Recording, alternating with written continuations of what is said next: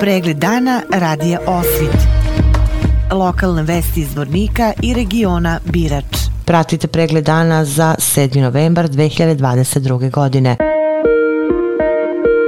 Parastosom, prisluživanjem sveća i polaganjem venaca na spomeniku na Gluđanskom brdu obeleženo je 30 godina od zločina koji su 6. novembra 1992. godine izvršili pripadnici takozvane armije Bosne i Hercegovine. Tog dana na svirep način ubijano je 58 boraca Vojske Republike Srpske, a na širem području tih dana ukupno je ubijeno 126 pripadnika Vojske Republike Srpske. Ministarstvo unutrašnjih poslova i civila, a za ove zločine još uvijek niko nije odgovarao. Prethodno je zonje kamenice do Gluđanskog brda organizovana povorka sećanja sa fotografijama 58 ubijanih pripadnika Vojske Republike Srpske. Stjepan Macanović, savjetnik ministra rada i boračko valijske zaštite, istakao je da su na današnji dan na mučki način ubijani pripadnice Šekovačke i Zvorničke brigade Vojske Republike Srpske. Milivoje Marković, predsjednik gradske organizacije porodica zarobljenih i poginulih boraca i nestalih civila Zvornika, istakao je da još niko nije odgovarao za ovaj zločin. Vence su na spomeniku na Glođanskom brdu položili članovi porodica poginulih boraca,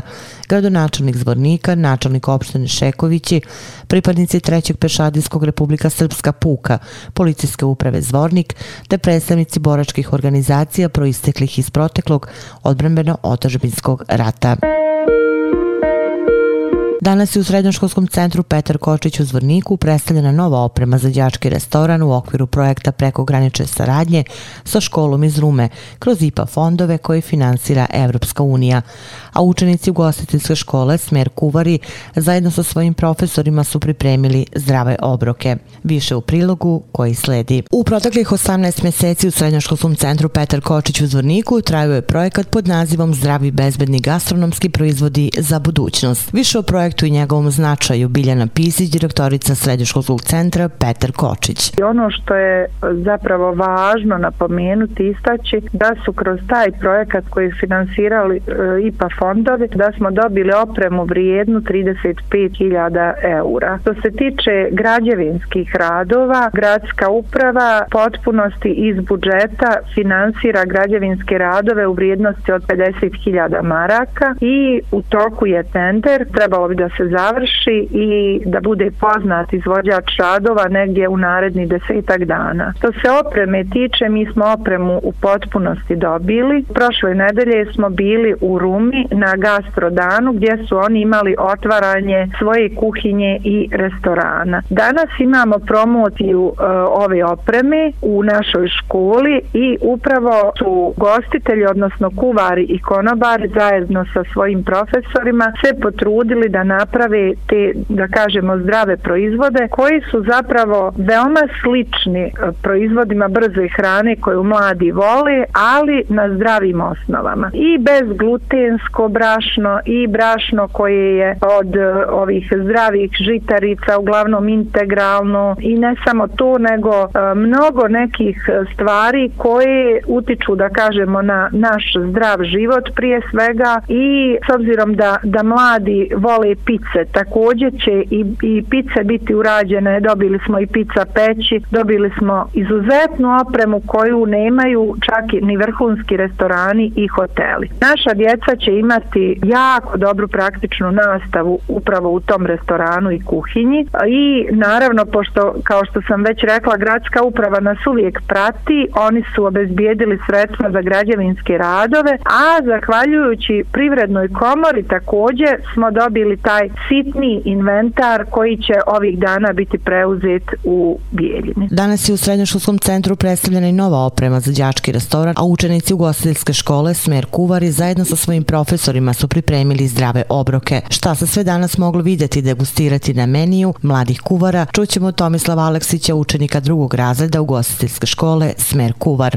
Mi smo ovdje danas radili zdravu ishranu da dokažemo da se može zamijeniti te loše navike za dobrim. Pravili smo hamburgere od junjećeg mesa, zembičke s tri vrste brašna, pravili smo pice zdrave, pravili smo zembičke isto od tri vrste brašna i tako smo dokazali da možemo da zamijenimo zdravu ishranu za lošu. O značaju ovih zdravih zalogaja i njihovoj prednosti čućemo od Mirjane Tomić, nastavnice praktične nastave, smer kuvar u Srednjoškolskom centru Petar Kočić. Danas nam je dan da predstavimo zdrav način ishrane, kako zamijeniti znači, e, nezdrave obroke sa zdravima, našim učenicima da ponudimo nešto od e, zdrave hrane, da napravimo te zamjenske obroke kako bih se mogli zdravo hraniti. Cilj nam je da predstavimo mladima, sportistima, adolescentima, znači i e, trudnicama, svako ima svoj plan ishrani na koji bi mogao da se hrani, kako da koriste zdrave sirovine i da ih pretvori u zdrave i bezbedne gastronomske proizvode. U Osnovnom sudu u Zvorniku za građane Zvornika i opštine Osmaka od danas do 18. novembra su dani sudskog poravnanja. U okviru sedmice sudskog poravnanja sudovi u Bosni i Hercegovini pozivaju sve zainteresovane stranke, čiji se predmeti vode u prvostepenim i drugostepenim sudovima, da iskoriste priliku i svoj predmet reše sudskim poravnanjem. Cilj sudskog poravnanja je rešavanje što je moguće većeg broja predmeta mirnim putem u skraćenom postupku, koji je ekonomičniji i brži za stranke, što podrazumeva jeftinije jeftini način završetka sudskog spora. Opširni na sajtu radioosvit.com. Narodna biblioteka Zvornik organizuje radionicu za decu avantura u svetu dinosaurusa. Učesnici će se kroz zabavno edukativan sadržaj upoznati sa karakteristikama, vrstama i načinom života dinosaurusa. Radionica će se održati sutra u 13 časova u čitavonici Narodne biblioteke Zvornik. Vesti iz Loznice. Novosadin Saša Nišavić, dobitnik je prve nagrade za neobjavljenu pesmu Savijanje pčela na 48. literarnom konkursu Vukovi Lastari, koji organizuje književni klub Kulturno-umeljičkog društva Karadžić. Druga nagrada dodeljena je Slađani Ristić iz Beograda za pesmu Istina u krošnji drveta, a treća Nikolini Kovačević iz Nikšića za pesmu Nasledstvo. Opširnije na sajtu lozničkenovosti.com. Vesti sporta. Na šestom međunarodnom tekvando turniru i Liđa Open na kome je učestvalo 566 takmičara iz 45 klubova Bosne i Hercegovine, Crne Gore, Slovenije i Hrvatske, mladi tekvandoisti iz Vornika osvojili su sedam medalja. U konkurenciji vrtićanaca na svom prvom takmičenju Aleksandar Lulić je osvojio srebrenu medalju. Kod mlađih kadeta bronzane medalje su osvojili Martina Jović, Milan Đukić, Aleksej Jovičić i Miloš Mitrović. U konkurenciji kadeta do zlatnih odličja su stigli Amila Šogbegović i Aleksa Pelemješ. Na otvaranju sezone u drugoj ligi Republike Srpske grupa Istok, futsaleri Young Boysa su pred svojim navijačima savladali ekipu Broda rezultatom 9 naprema 5. Meč je u dvorani rekreativno-sportskog centra u Zvorniku pratilo oko 150 gledalaca.